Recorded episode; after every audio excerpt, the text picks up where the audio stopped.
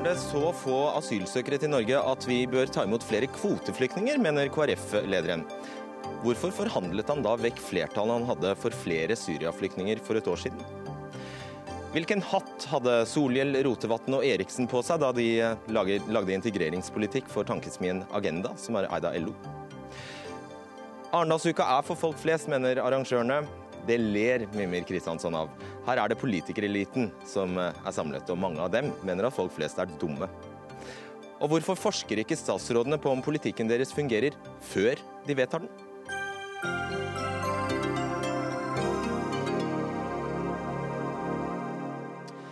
Også i kveld sender vi fra Arendalsuka. Hjertelig velkommen til Dagsnytt 18. Jeg heter Fredrik Solvang. Ja, KrF-leder Knut Arild Hareide vil at Norge skal ta imot flere kvoteflyktninger. Og Grunnen er at asylankomstene til Norge har gått kraftig ned sammenlignet med i fjor. Er det ikke sånn, eh, Knut Arild Hareide? Jo, det stemmer. Vi har jo eh, gjennom den budsjettavtalen vi har, så har vi beregnet at eh, forventa det skulle komme 25 000 asylsøkere til Norge i 2016.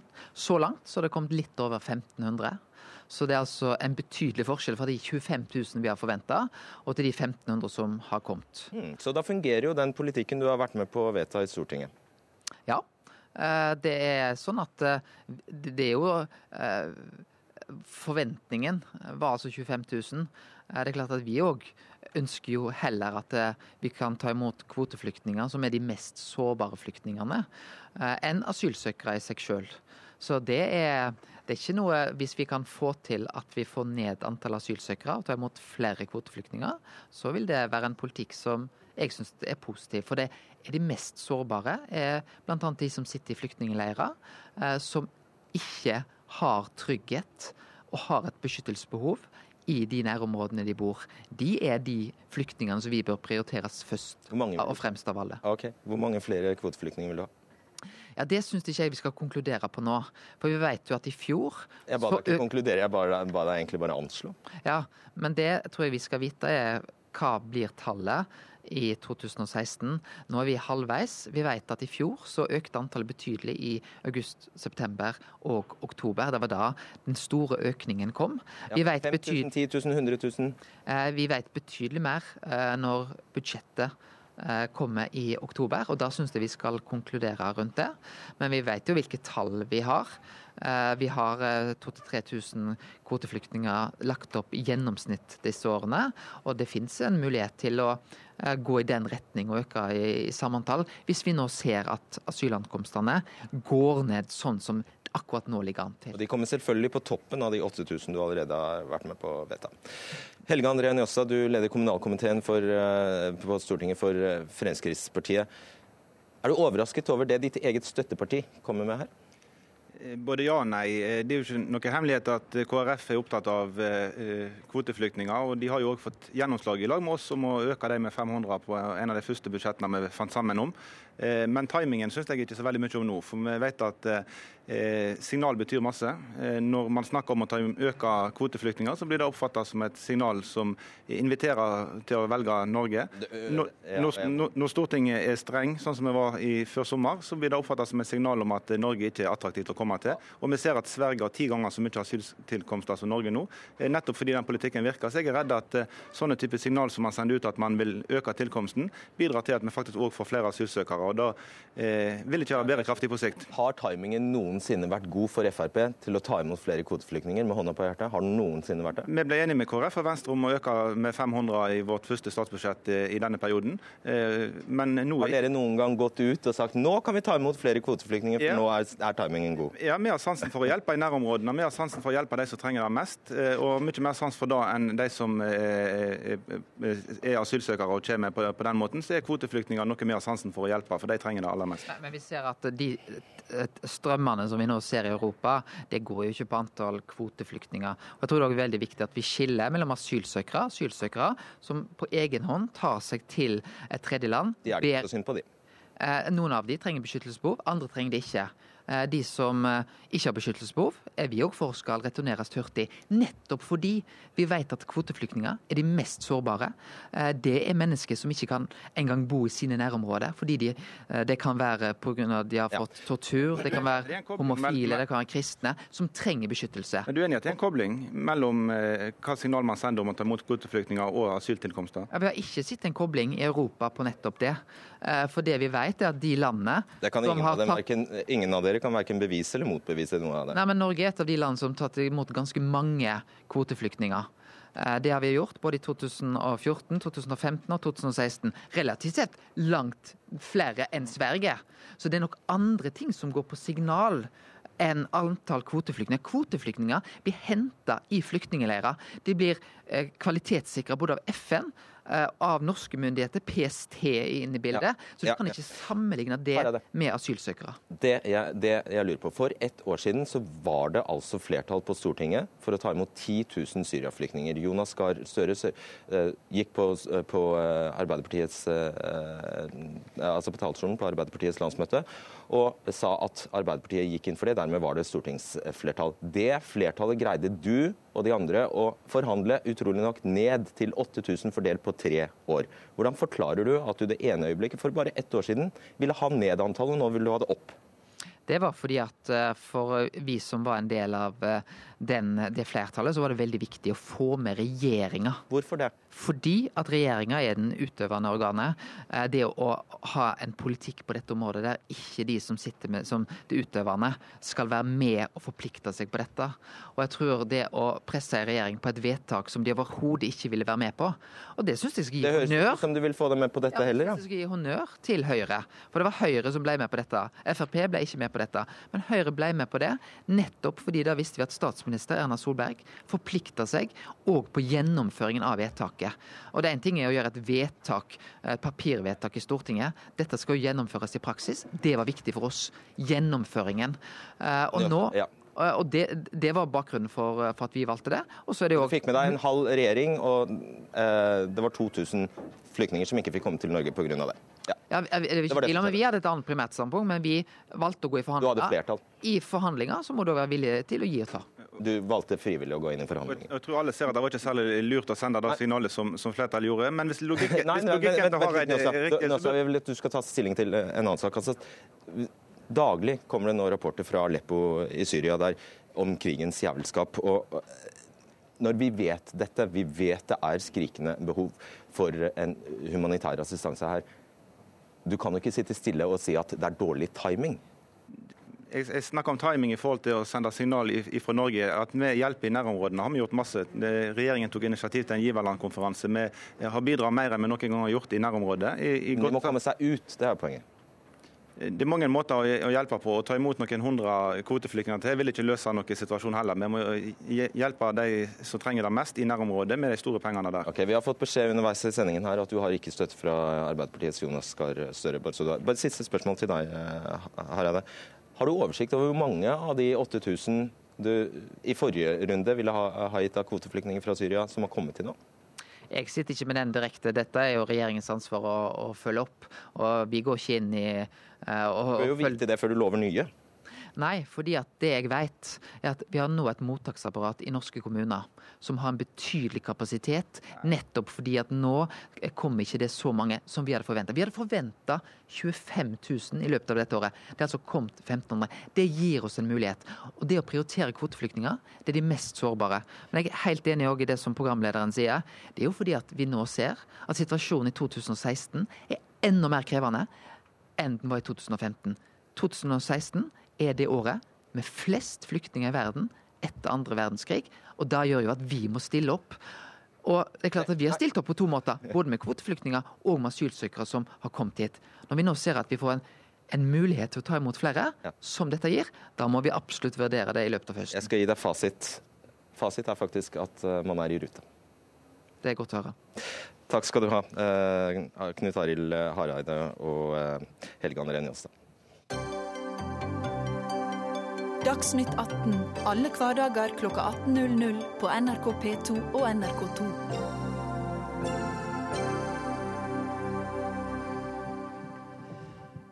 Forrige uke la den bl.a. LO-finansierte tankesmien Agenda fram integreringsnotatet Ti bud for bedre integrering. Dokumentet er utarbeidet eh, av eh, sentrum-venstre-politikere og forskere, og tar sikte på å legge grunnlaget for framtidens integreringspolitikk. Og For å få til nettopp det, er det lagt opp til at politikerne skal viderebringe disse forslagene til sine partier, forhåpentligvis få, få det vedtatt, eh, og altså sette, omsette ord til handling. En politikk som har blitt til utenfor partikontorene, utenfor Stortinget, men i Agenda eid av LO. Alt ettersom man bedømmer, selvfølgelig. Men en maktforskyvning, kan man altså eh, påstå. Marte Gerhardsen, du leder tankesmien eh, Agenda. Og dette utvalget det besto altså av eh, politikere fra SV, Arbeiderpartiet, Senterpartiet, KrF og Venstre, i tillegg til disse forskerne. Er det tankesmier som skal utarbeide norsk, eh, norsk integreringspolitikk? Nei, det er det ikke. Det, og I dette tilfellet så er det jo politikerne og forskerne som har utviklet politikken. Vi har laget en arena. Eh, Tankesmien Agenda er jo da, som du nevnte, eid av LO og også Trond Moen. Og så har vi bidrag... Ja, eh, og så har vi en masse andre bidragsytere. Både NHO-organisasjoner, bedrifter, andre organisasjoner og enkeltpersoner. Så vi har en ganske brei eh, base med, med eiere eh, og, og støttespillere. Og så er jeg ansatt under redaktørplakaten, og det betyr at ingen kan instruere eh, meg eller Agenda på hva vi skal mene. Jeg har enten tillit eller ikke. Og så langt så har jeg prøvd det. Du kan gjøre det stikk motsatt av det LO måtte Det kan jeg, og det har jeg også gjort i flere okay. runder. Men mm. det som er viktig her, er jo at Agenda har vært helt åpne og tydelige fra start. Vi har et mandat eh, som består av tre ting. Vi skal bidra til en mer kunnskapsbasert politisk debatt i Norge. Vi skal løfte de store spørsmålene i vår tid, og vi skal være med å utvikle en ny politikk. Det har jeg vært helt åpne om. Og samtidig har jeg vært helt åpne om at vi tror at de beste løsningene de finner vi i sentrum-venstre. Glemte du å invitere Høyre og Frp? Nei. Fordi at Vi har vært veldig åpne og tydelige på helt fra start at vi mener at de beste løsningene for Norge de finner vi i skjæringspunktet sentrum-venstre. Så vi er veldig, veldig stolte. Så Den fasiten hadde du på forhånd? Det var på forhånd. Okay. Men, men hva mm. dette kommer til å bli, det visste vi ikke. Så dette har vært et kjempespennende arbeid, hvor politikere og forskere har sittet sammen over en lang periode. De har møttes hos oss annenhver uke i nesten et halvt år og jobba og kommet fram til dette, dette, forslaget, som jeg er veldig stolt av. Fikk de betalt? Det gjorde de ikke. Ok. Daglig leder i Tankesmien Sivita Civita, Kristin Clemet. Eh, er du blir du sjalu når du hører hvilken eh, maktdemonstrasjon de faktisk har, eh, har prestert? Nei, nei, og jeg eh, må også si at jeg har ikke noe ønske om å kritisere Agenda det de har gjort, for at vi lever i et fritt land. og man jobber til deg, og. Men, men, du har spurt meg om jeg kan forklare om Civita ville ja. gjort det på den måten, og det ja. ville vi ikke. Og det er det flere forskjellige grunner til. Ehm, en viktig grunn er at vi ønsker ikke å drive politikkutvikling bare for noen bestemte partier. Vi driver med utredningsarbeid og politikkutvikling, men det er til fri avbenyttelse for alle partier som lar seg inspirere. Ehm, en annen viktig grunn er at vi ville være redde for at eh, den typen arbeid ville svekke vår uavhengighet og troverdighet. Jeg syns ikke det er naturlig. Jeg ser ikke hva formålet egentlig skulle være med at jeg eller Civita eh, går inn og deltar i eller etablerer konkurrerende parlamentariske prosesser og forhandler med politikere eller partier for å inngå kompromisser. Og, og, Det siste som jeg kanskje syns er viktigst, er at jeg er redd at den typen prosesser også kan svekke partiene. For partiene det er jo eh, grasrotbevegelser, eller de har ønsker om å være grasrotbevegelser, som har omfattende demokratiske prosesser hvor de utvikler partiprogrammer som politikerne velges på, og eh, kommer da til Stortinget med et eh, bundet mandat, som er dette partiprogrammet. Og det er klart Hvis man da etablerer konkurrerende prosesser på utsiden av dette, så, og konkurrerende mandater, så mener jeg det kan bidra til å svekke partienes legitimitet som eh, de eh, grasrotbevegelsene de skal være. Mm. Og som har med seg alle medlemmer i, i en prosess hvor de utvikler programmer. Kjemperaskt spørsmål og kjemperaskt svar. Har SV benyttet seg veldig mye i stor grad av Civita-notatene? Ja, ja, faktisk. Det, det, kan jeg bekrefte at de har. Fordi vi har fremmet forslag som SV faktisk har tatt opp i Stortinget. Og vi er like glad når SV gjør det som når KrF eller Fremskrittspartiet gjør det. Jo, men, det, men dette her er faktisk ganske viktig. fordi dette er prinsipper vi arbeider etter. da. Eh, og det var jo det du spurte meg om jeg kunne komme og fortelle om. Det var det. Ok, Stortingsrepresentant for SV og leder for dette Bård eh, utvalget, Bård Vegar eh, Solhjell. Hvilken hatt hadde du på da du ledet dette utvalget? du har jo mange hatter. Ja, det sto Bård Vegar Solhjell. Privatpersonen Bård Vegar Solhjell? Nei, når du, når du, er innvalgt på Stortinget, så er du jo aldri privatperson. Du er mm. parlamentariker. Okay. Men, Av og til eh, svarer politikerne det er en privatsak, vet du. For, for å bare snakke litt lenger enn fem sekunder gangen. Jeg, jeg eh, representerte ikke noe parti eller Stortinget eller en komité der. Jeg representerte meg sjøl. Eh, men jeg var plukka ut eh, som en eh, fra SV, akkurat som det var fire andre fra fire andre. Du har signert som stortingsrepresentant Bård Vegar Solhjell? Det er riktig. Som person Bård Vegar Solhjell, og jeg er stortingsrepresentant, og du er aldri privatperson eller parlamentariker. Men jeg, hadde, jeg, tenkte nøye gjennom det her på forhånd, og jeg tenkte gjennom det på nytt nå, til ære for Dagsnytt 18, holdt på på forhånd. Liksom, var det dumt for meg?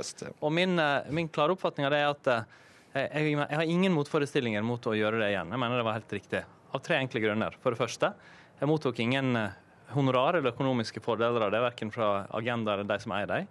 Eh, det var full åpenhet om det. Det, det er offentlig. Alle får, kan få vite hvilke møter vi var på. alle sånne ting.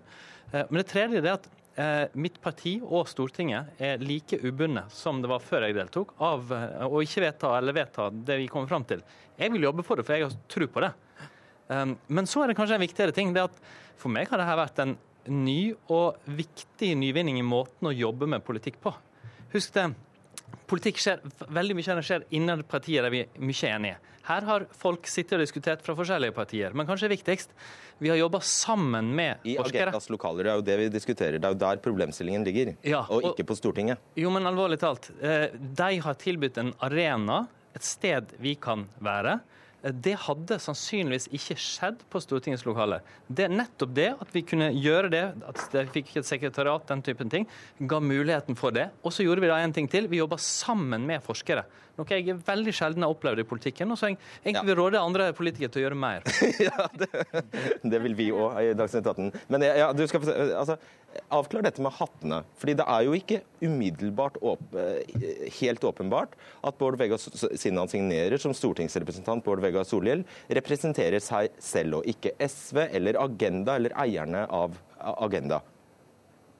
Jeg, kan jeg få svare på det? Ja, det var, for vi, vi, tenkte nå skal vi, vi vår jobb er å løfte de store spørsmålene i vår tid. Det å få til god integrering i Norge, det er noe av det viktigste det politiske Norge står overfor i tida som kommer. Og Da er det viktig å klare å løfte den debatten av og til litt ut av den Dagsnytt 18-dynamikken, faktisk. Og få lov å sette seg ned å være litt åpen og tenke langsiktig. Og Det som var spennende, som ble dynamikken i den gruppa, fordi de møttes så ofte, ble godt kjent og jobba over lang tid. Vi hadde De første åtte møtene hadde vi in eksterne innledere som kom og rett og slett ga oss opplæring eh, i de forskjellige problemstillingene. Og Det å ha den muligheten til å, å, å, sette de politiske kjepphestene på utsiden, det var ikke forhandlinger som foregikk der, det var rett og slett refleksjon og meningsutveksling. Og det, Den måten å jobbe på, det tror jeg vi skal gjøre mye mer av. Vi trenger å få tenke litt lenger i politikken politikken, og ikke alltid ha den kjappe eh, debattformen som vi har f.eks. her. Ja. Nei, altså, det å ha arenaer hvor man har meningsutveksling og refleksjon, og lærere, forskere og kunnskap, det driver jo vi også veldig mye med. Men her var det jo spørsmål om å etablere et utvalg, og så vidt jeg forstår, så satt da politikere sammen med Agenda i utvalget og forhandlet frem kompromisser. Og det er på en måte å etablere en slags konkurrerende parlamentarisk eh, prosess. Men bare si det, jeg er veldig mye etter at vi etablerte Civita, vi er litt eldre enn eh, Agenda, så har jeg vært i dette studioet noen ganger med Arbeiderpartipolitikere og faktisk fått ganske mye kjeft, fordi de mente at det, etableringen av Civita Civita, det var det samme som at partiene, og særlig Høyre, de påstod at de outsourcet politikkutviklingen sin. Og jeg sa nei, de gjør ikke det. For vi driver ikke politikkutvikling for ett bestemt parti.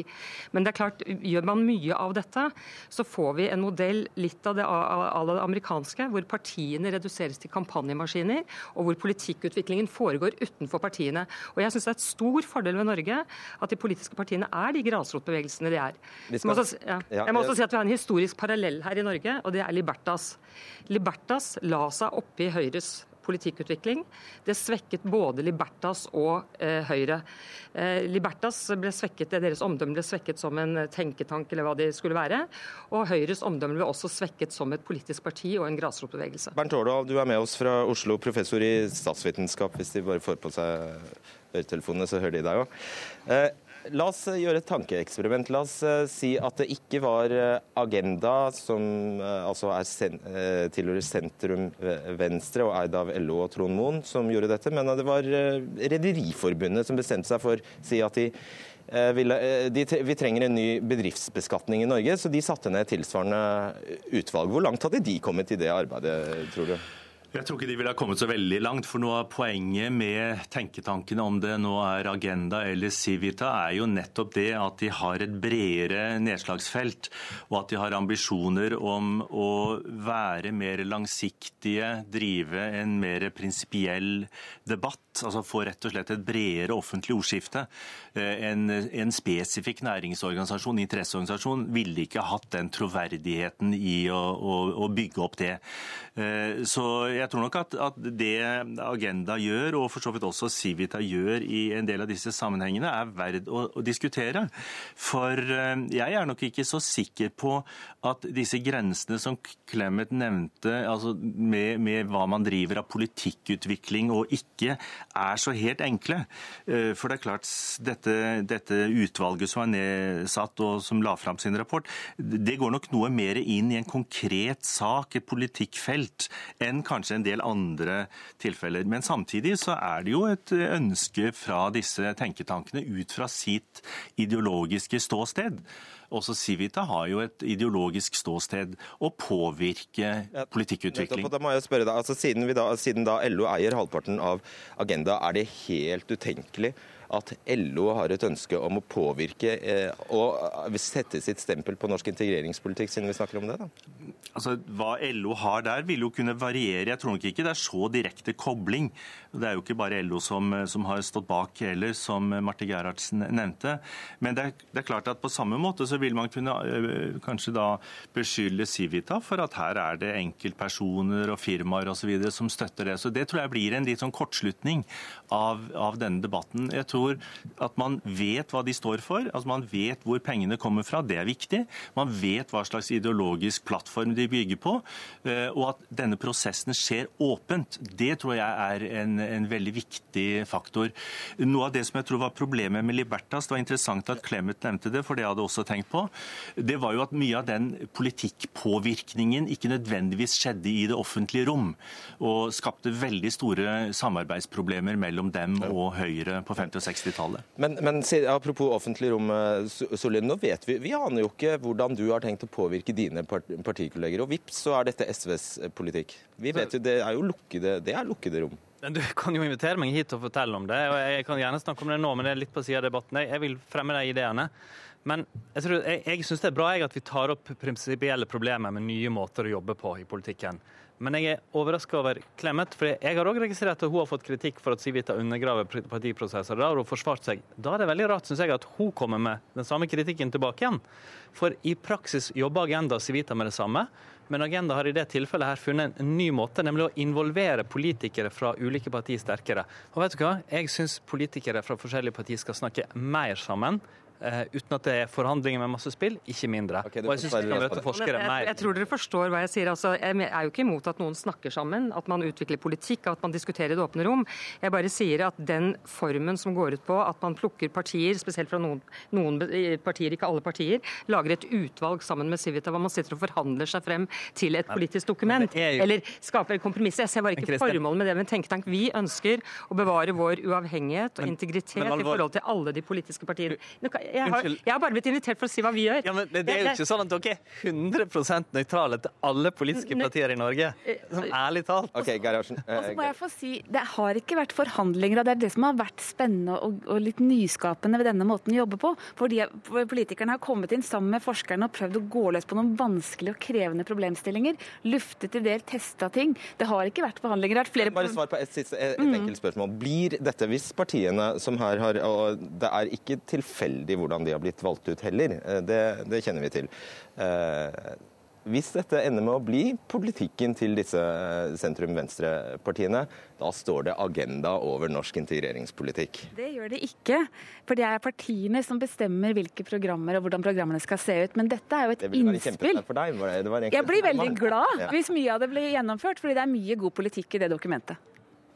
Nei, altså, jeg, ønsker ikke å komme hit for å kritisere Agenda. De jobber på sin måte, men vi jobber på en annen måte. Og vi vil ikke etablere den typen konkurrerende prosesser til det politiske systemet. Vi syns det er veldig bra at vi inspirerer partiene til å bli mer politiske verksteder, ikke mindre okay, politiske verksteder. Vi har dette, Clemet, så vi skal huske det. Ja. Takk skal du ha. Marte Gerhardsen, Bård Vegar Solhjell, Kristin Clemet og Bernt Aala, Takk.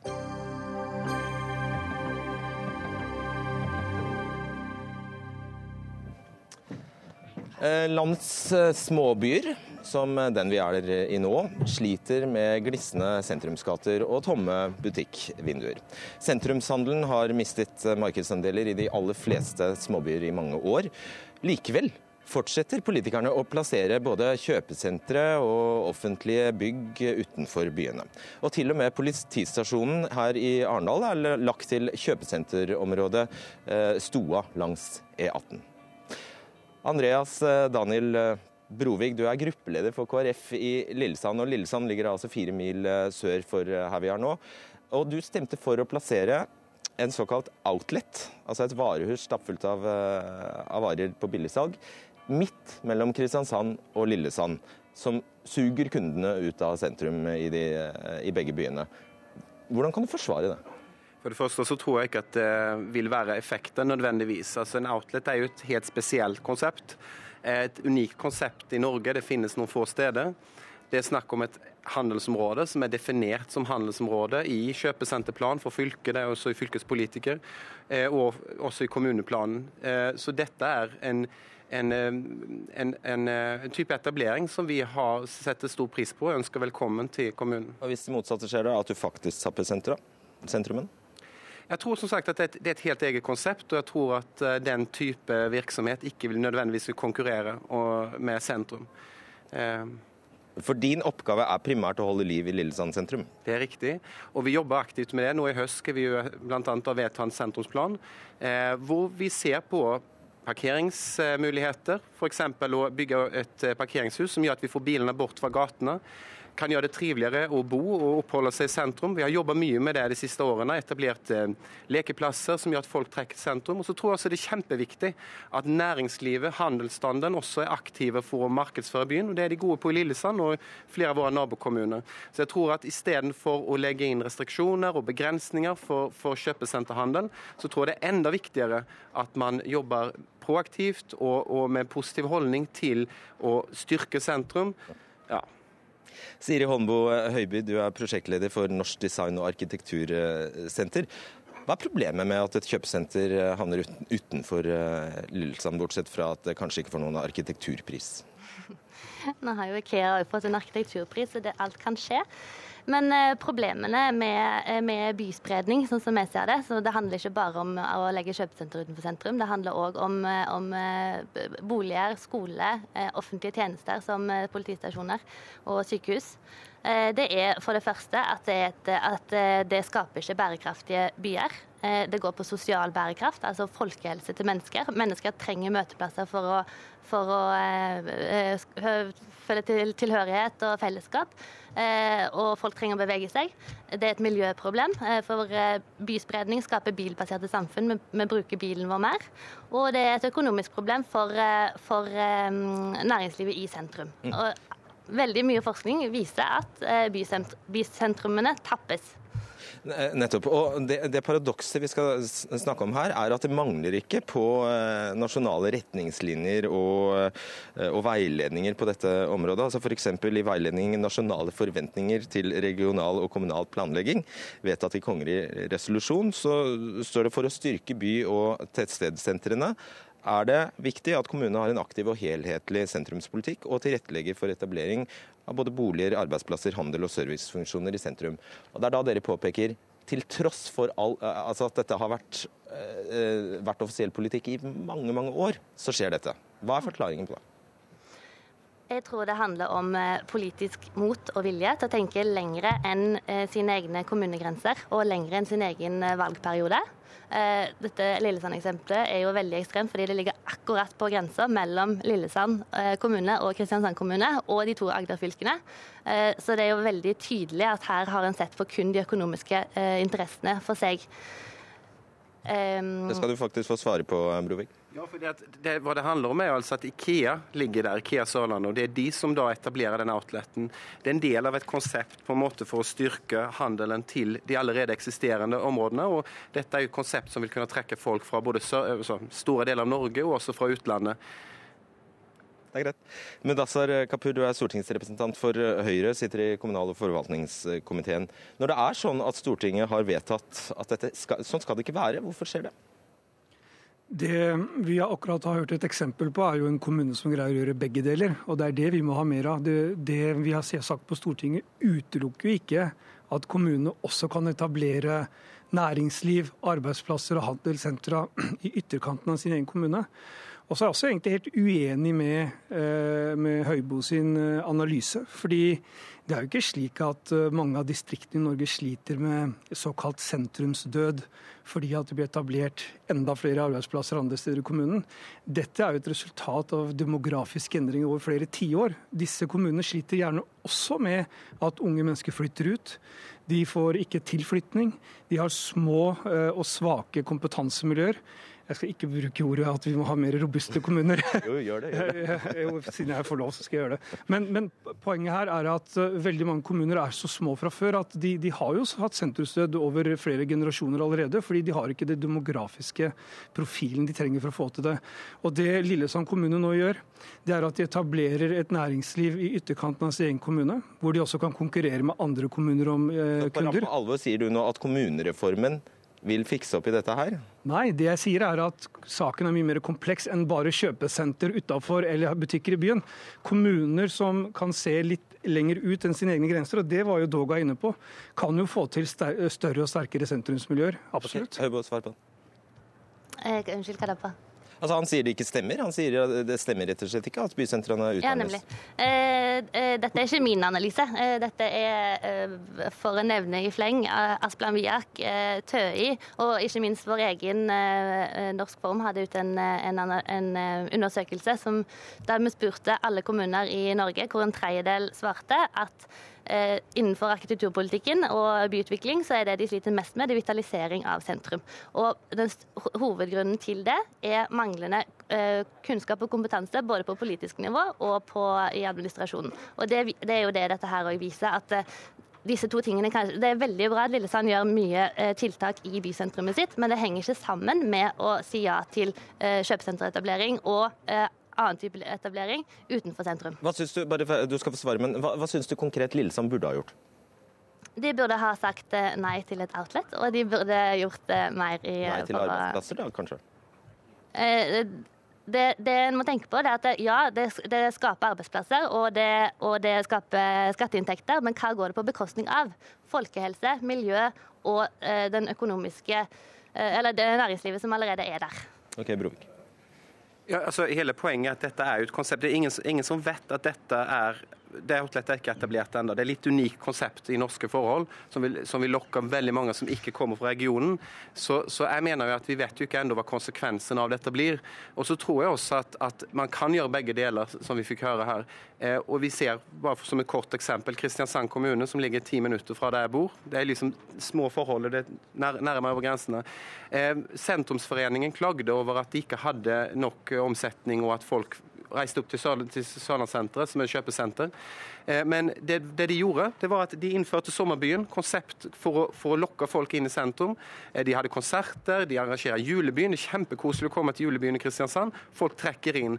Handelen har økt. Tall fra i fjor 3,2 Og Sørlandssenteret vokser også. Du kan få begge deler. Både utvikling på den type senterhandel, som er på kjøpesenter, og i sentrumshandel. Ok, Kapur, du hadde jo en ganske komplisert forklaringsmodell, eh, vil jeg på, så kan det ikke være så enkelt som at vi, dette er, dette er, det, er om, det er snakk om kapital og penger. Min kompliserte modell kan så sies veldig enkelt. Dette handler om både og. Altså, det går an å både utvikle sentrumsområdet, og det går også an å utvikle det man, litt, eh, det man kaller for periferien av, eh, av kommunen.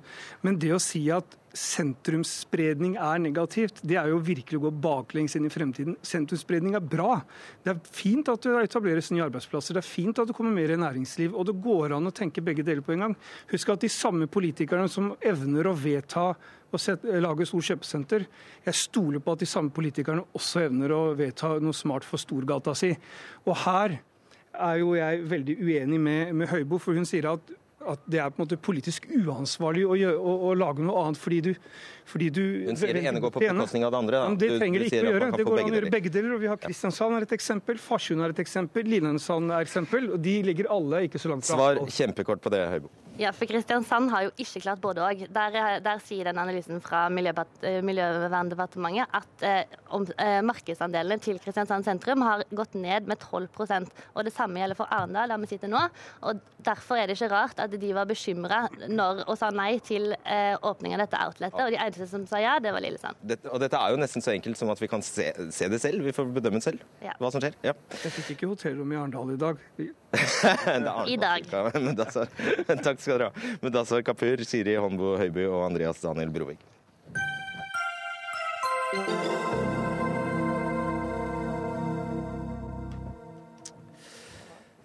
Jeg tror eh, det er eh, ekstremt mange politikere som eh, mener at vanlige folk er dumme. At folk flest ikke skjønner sitt eget beste og bare jager etter kortsiktige, enkle løsninger.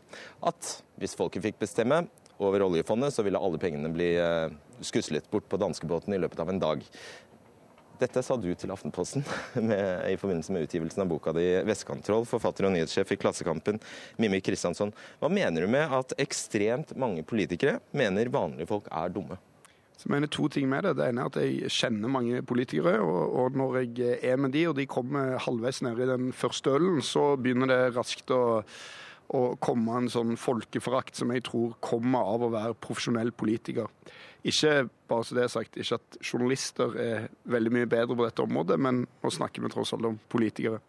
Eh, og Det andre er at jeg mener at det er en gjennomgående trend i, i politikken at man forsøker å flytte viktige avgjørelser unna eh, de rommene der folk tar beslutninger. Jeg syns du ser det i eh, kommunesammenslåingsdebatten, der Jan Tore Sanner har arbeida i mine øyne intenst for å hindre folkeavstemninger. Eh, ofte basert på en eller annen form for idé om at folk tar emosjonelle valg, at de tar kortsiktige valg, at de ikke skjønner hva som er best for sin kommune. Og jeg synes du har sett i kjølvannet av brexit-debatten, der man hadde en folkeavstemning. Det gikk ikke som alle ville. Og de som eh, eh, ikke ville at skulle gå som det gikk, de har plutselig nå utvikla en argumentasjon mot folkeavstemninger, som egentlig er det samme som å utvikle en strategi mot fotballregler, bare fordi man har tapt en fotballkamp. Og det syns jeg er ja, en uting. Hans Petter Sjøli, debattansvarlig VG. Du mener Mimir Kristiansson tar helt feil når han sier at mange, ekstremt mange faktisk, politikere mener folk er, er dumme. Du har vel ikke bevis for det motsatte? Nei, men det, det er jo vanskelig å vite hva han egentlig baserer det på. Altså, det, sånn, det, blir litt sånn, litt sånn slarvete at nede i første ølen så, har, så avslører de sin elitisme og sånne ting. Jeg oppfatter norske politikere ganske eh, omvendt, egentlig.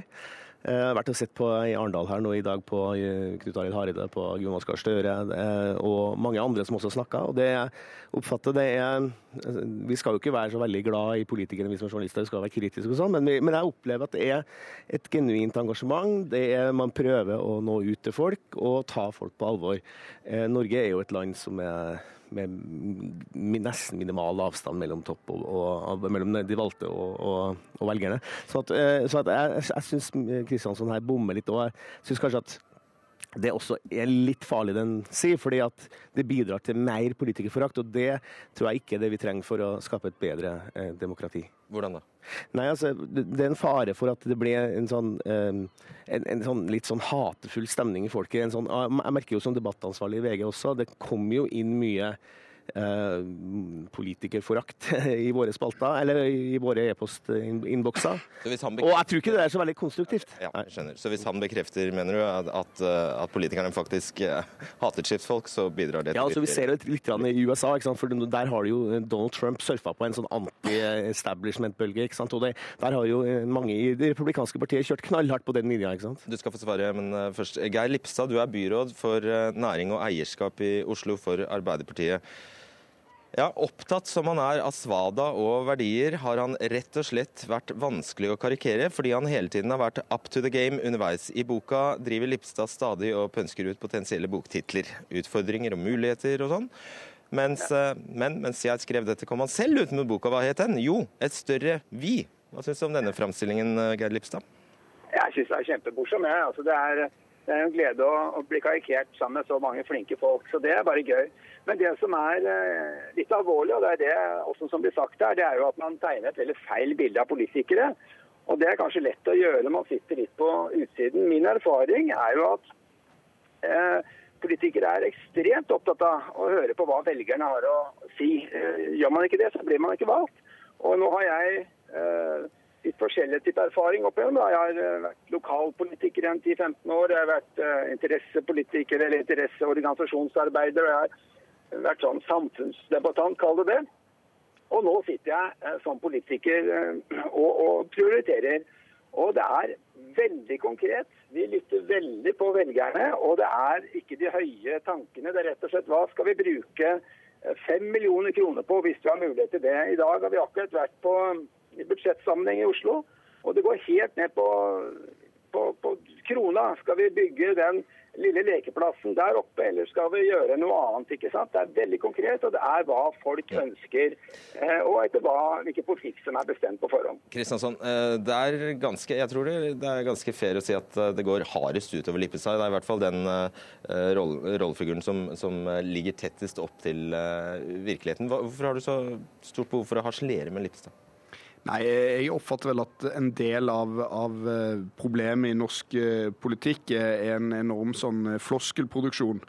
Og jeg, når man er en person som har starta et eget verdikommunikasjonsbyrå, så, så stiller man seg laglig til for hogg dersom folk er negative til floskler. Og som sagt, som du òg sa i stad, så syns jeg jo det har vært en utfordring å parodiere Geir Lippstad nettopp fordi at jeg føler at virkelighetens eh, Geir Lippestad hele veien har vært drøyere enn min imaginære Geir Lippestad. Og, og det har skapt eh, hele veien sånne problemer. Da. Men bare for å svare på det, det seriøse her òg, så er det sånn at jeg mener at eh, politikerforakt er veldig sunt å ha i et samfunn. Eh, Det finnes selvfølgelig uheldig og dårlig politikerforakt og og sånn, men jeg tror ikke i utgangspunktet at det er sånn at velgerne skal ha nesegrus respekt og beundring eh, for de som styrer over dem. Og jeg tror det er en helt feil analyse at norske politikere anstrenger seg for å være mest mulig populære. Jeg mener at norske politikere burde tørre å være mer populære.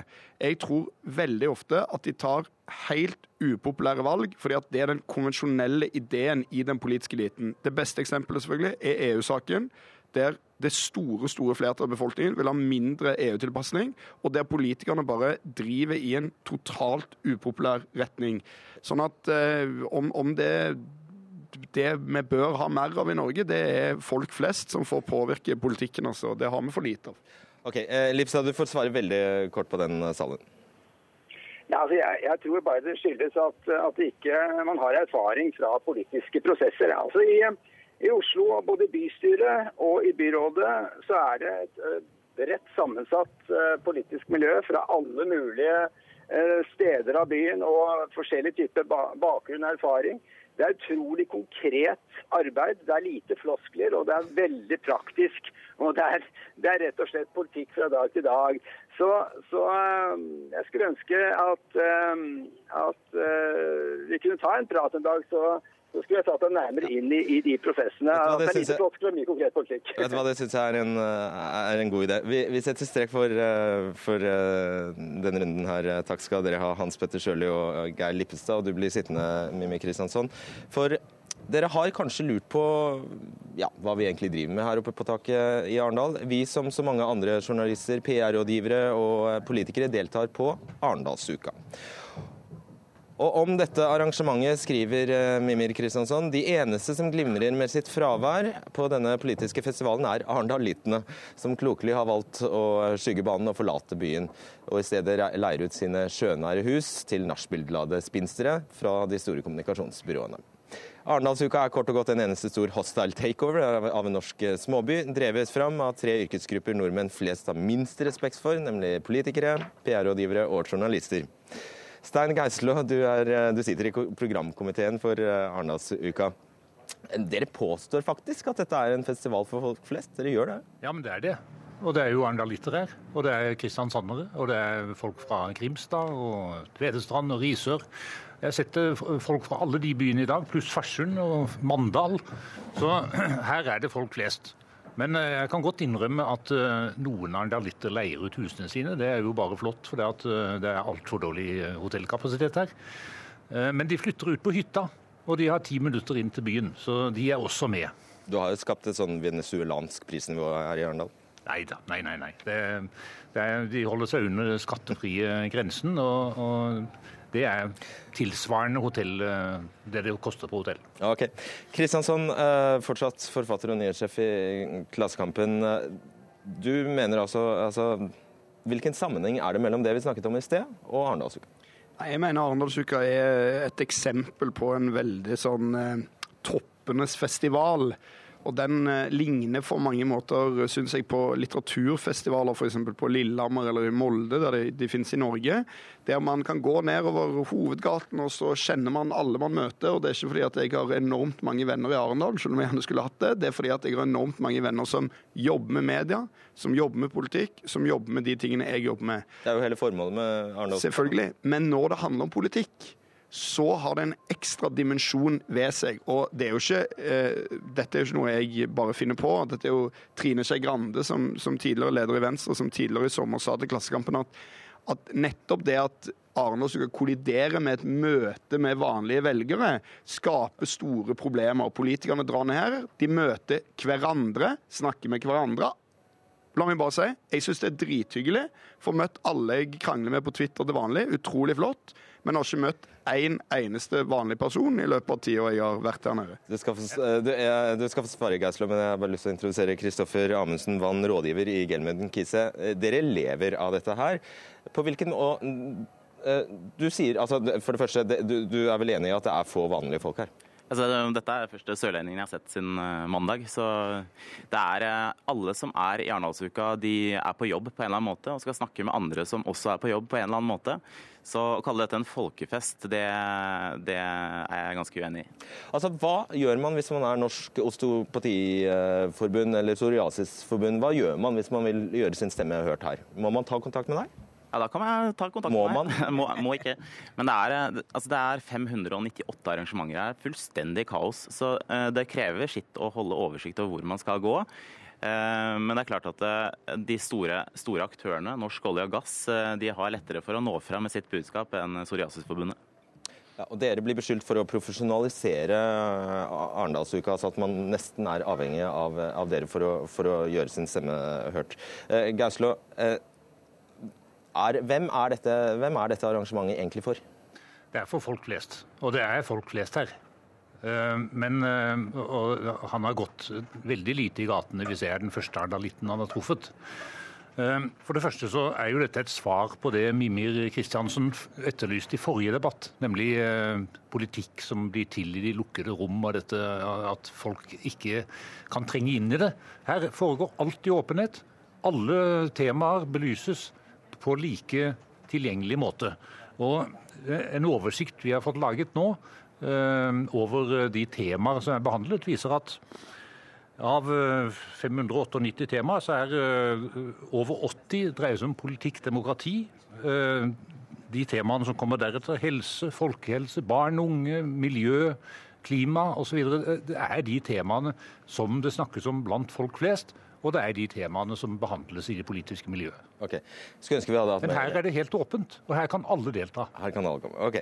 Skulle ønske vi hadde hatt mer tid. Beklager, det, tiden har løpt ut. Takk skal dere ha, Stein Geislo, Mimmi Kristiansson og Kristoffer eh, Amundsen Wall.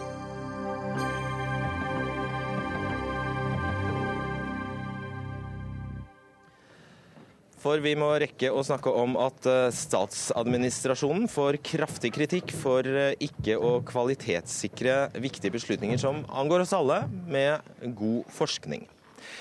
Hvorfor bidrar noen departementer så lite til å løse samfunnsutfordringene, var et av spørsmålene som ble stilt under en debatt i regi av Forskerforbundet og Forskningsinstituttenes Fellesarena her i Arendalsuka i går. Eh, vi starter med deg, eh, Petter Aaslestad. Du er leder i Forskerforbundet. Hva, altså, hvordan mener du situasjonen eh, er i den norske statsadministrasjonen, altså landets departementer, når det kommer til å kvalitetssikre politiske beslutninger? Med andre ord ha dekning for det forskningsmessig? Det har jo slått oss i de siste statsbudsjettene at det er veldig stor forskjell på den andelen som departementene setter av til forskning. Enkelte av de største departementene, som eh, justis og samferdsel, som har store milliardprosjekter, de setter nesten ikke av midler til forskning. Og det, det forbauser oss og uroer oss i den forstand at vi da tenker at det blir ingen kvalitetssikring av de prosjektene, og heller ikke blir det en er vi heller ikke sikre på om det er en fornuftig bruk av offentlige midler. Gi et konkret eksempel. Vi har innenfor samferdsel, med de store milliardene som der blir brukt, kan vi ikke se at det avsettes midler til forskning. Og Da vet vi jo heller ikke om de ferdigstilte prosjektene kunne vært ordnet bedre når de ikke følges opp med forskning. Men det betyr jo ikke at man ikke vet om fartssumper fungerer eller ei. Nei, men Kanskje skulle de vært lagd på en annen måte. Det er fullt, fullt mulig å tenke slik. og det, Vi tror vel at det er en slags mm, Blant enkelte politikere, eller kanskje blant ganske mange, en manglende interesse for uh, forskning, rett og slett. Og som da uh, Hvis man da også har en administrasjon som heller ikke er spesielt opptatt av uh, kunnskapsinnhenting som er forskningsbasert, så kan det bli dårlige resultater i disse departementene. Manglende interesse skal ikke du ha på deg, Hanne Bjurstrøm, tidligere arbeidsminister, nå likestillings- og diskrimineringsombud. For du gjorde deg visse helt konkrete erfaringer på dette området da du ble statsråd i eh, Arbeidsdepartementet i 2009. Ja, Det var to ting som slo meg. Og, Det ene var at eh, man har en tendens til veldig lett å eh, når det kommer et nytt problem, så sier man at dette må vi få utredet, dette må vi få forsket mer på. Så det er én bit av det. Um, og det blir litt sånn lett ad hoc i forhold til de problemene som melder seg på bordet. Og da følte jeg ofte at eh, forvaltningen kanskje selv burde hatt den kunnskapen, og ikke alltid etterspurt den hos forskerne. Så på det planet er jeg kanskje ikke enig med det du sier. Så opplevde jeg at man på, langt, på litt større, eh, store utfordringer, så var det forbausende eh, mange ting man ikke hadde svarene på. Og jeg sier ikke at det var enkle svar, men jeg, jeg var litt overrasket over at det ikke man i et departement eller i et sentral, altså hele systemet hadde etterspurt f.eks. hvordan virker store summer som vi brukte på arbeidsmarkedstiltak. Vi visste for lite eh, om det i hele tatt eh, fungerte som det skulle. Interessant. Kunnskapsminister Torbjørn Røe Isaksen, det er jo veldig morsomt, for vi står midt i et rykende fersk Et, et, et, et eh, herværende eksempel faktisk på dette her. Altså, dere har jo innført et karakterkrav på, til, på fire i matematikk. Mm. eh, som, dere, som, dere altså, som, blir, som er innført, men dere har ikke forskning som underbygger om det er fornuftig eller ei. Ja, altså Det vi har forskning på, det er at, eh, som peker i retninga, i hvert fall, det er at eh, hvis det er høyere karakterkrav på de som kommer inn, så er det god grunn til å tro at gjennomføringen blir bedre, f.eks. Det viste også Jo, altså, det, vi, vi, vi kan ikke forske på, på alle politiske initiativer vi setter i gang. Det går ikke an. Men eh, det vi har gjort i Kunnskapsdepartementet, det er å, å lansere noen store, tunge forskningsprosjekter. Jeg vil påstå at vi har gjort mye mer på dette enn ja, jeg skal kanskje ikke si noen tidligere regjering, men i hvert fall på fryktelig lenge. F.eks. det som er et historisk stort forskningsprosjekt på effekten av lærertetthet i skolen. Svært forskningsprogram på gjennomføring. Sånn at du helst ikke er, Først ville ikke du gjennomføre det? Nei, det var det vi som tok initiativ til, faktisk. Eh, Så det har, vi vært, eh, det har jeg vært en pådriver for og ønsket fra første stund. Men så er det, et, eh, så er det selvfølgelig et dilemma her, fordi at på den ene siden så er jo vi politikere vi, vi må jo også Det er ikke alltid vi kan sitte og vente seks år på at et forskningsprosjekt skal finne konklusjonene og så iverksette løsningen på et problem. Det skjønner man, for skal bli gjenvalgt. Ja, men også for at vi skal løse problemet for folk.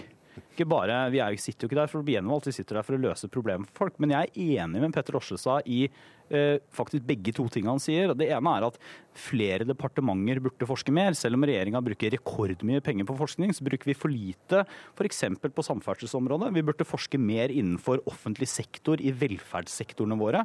Og det andre er at i for liten grad så gjør vi det som vi nå f.eks. gjør på lærertetthet i skolen, nemlig at vi setter i gang forskningen, følgeforskning først, og så vurderer vi om vi skal oppskalere og bruke milliarder på tiltaket. Jeg vil eh, stille deg et spørsmål til, for jeg vet du må, eh, må forlate oss eh, snart. Altså, du Det er vel tom for tid i sendinga uansett, så det går nok bra. Ikke riktig ennå, snart. I 2013 så la du ned den rød-grønne regjeringens koordinering av forskning i, i regjeringen, og erstattet den med noe du kalte altså regjeringens forskningsutvalg. Eh, har det gått altså, veldig bra? Vi la ned regjeringens forskningsutvalg. For det var et koordinerende organ som ikke koordinerte regjeringens forskningspolitikk. Eh, og Det er ikke noe poeng å ha et organ for det det ser pent ut på papiret.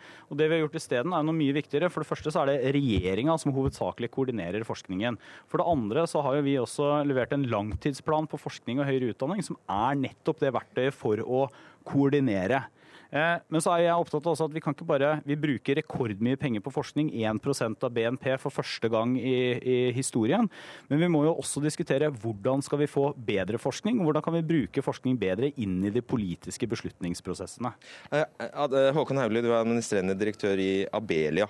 Du har etterlyst mer forskning i departementene. Hva sier du til, til statsrådens selvskritt? Eh, Jeg mener han fortjener ros for eh, lærertetthetsprosjektet, som jeg mener er et eksempel til etterfølgelse. Men vi er bekymret, i likhet med Åslestad, eh, på egentlig flere, av flere årsaker. Det ene er det er påfallende store forskjeller mellom departementene når det gjelder forskningsinnsats. Og noen av de områdene som langtidsplanen fremhever, forsker vi faktisk lite på. Og det er de, det som går på tvers av alle. Så én ting er båsene, sektorbåsene som sådan, men det andre er de, de tingene som går på tvers. F.eks. teknologi som vil berøre alle sektorer, og hvor vi ikke egentlig har gode instrumenter i dag. Hvem er det som har, det som har ansvar for det i regjeringen, egentlig? Å se, se det store bildet? Ja, Det lurer vi også på. Men kanskje Torbjørn Røe Isaksen kan svare på det. Altså, det, er, det, det er jeg som er forskningsminister og på den måten også har et ansvar for hele regjeringas forskningspolitikk. Men så er jo norsk eh, forskning organisert sånn at hvert enkelt departement har ansvar for sin forskning, i hermetegn.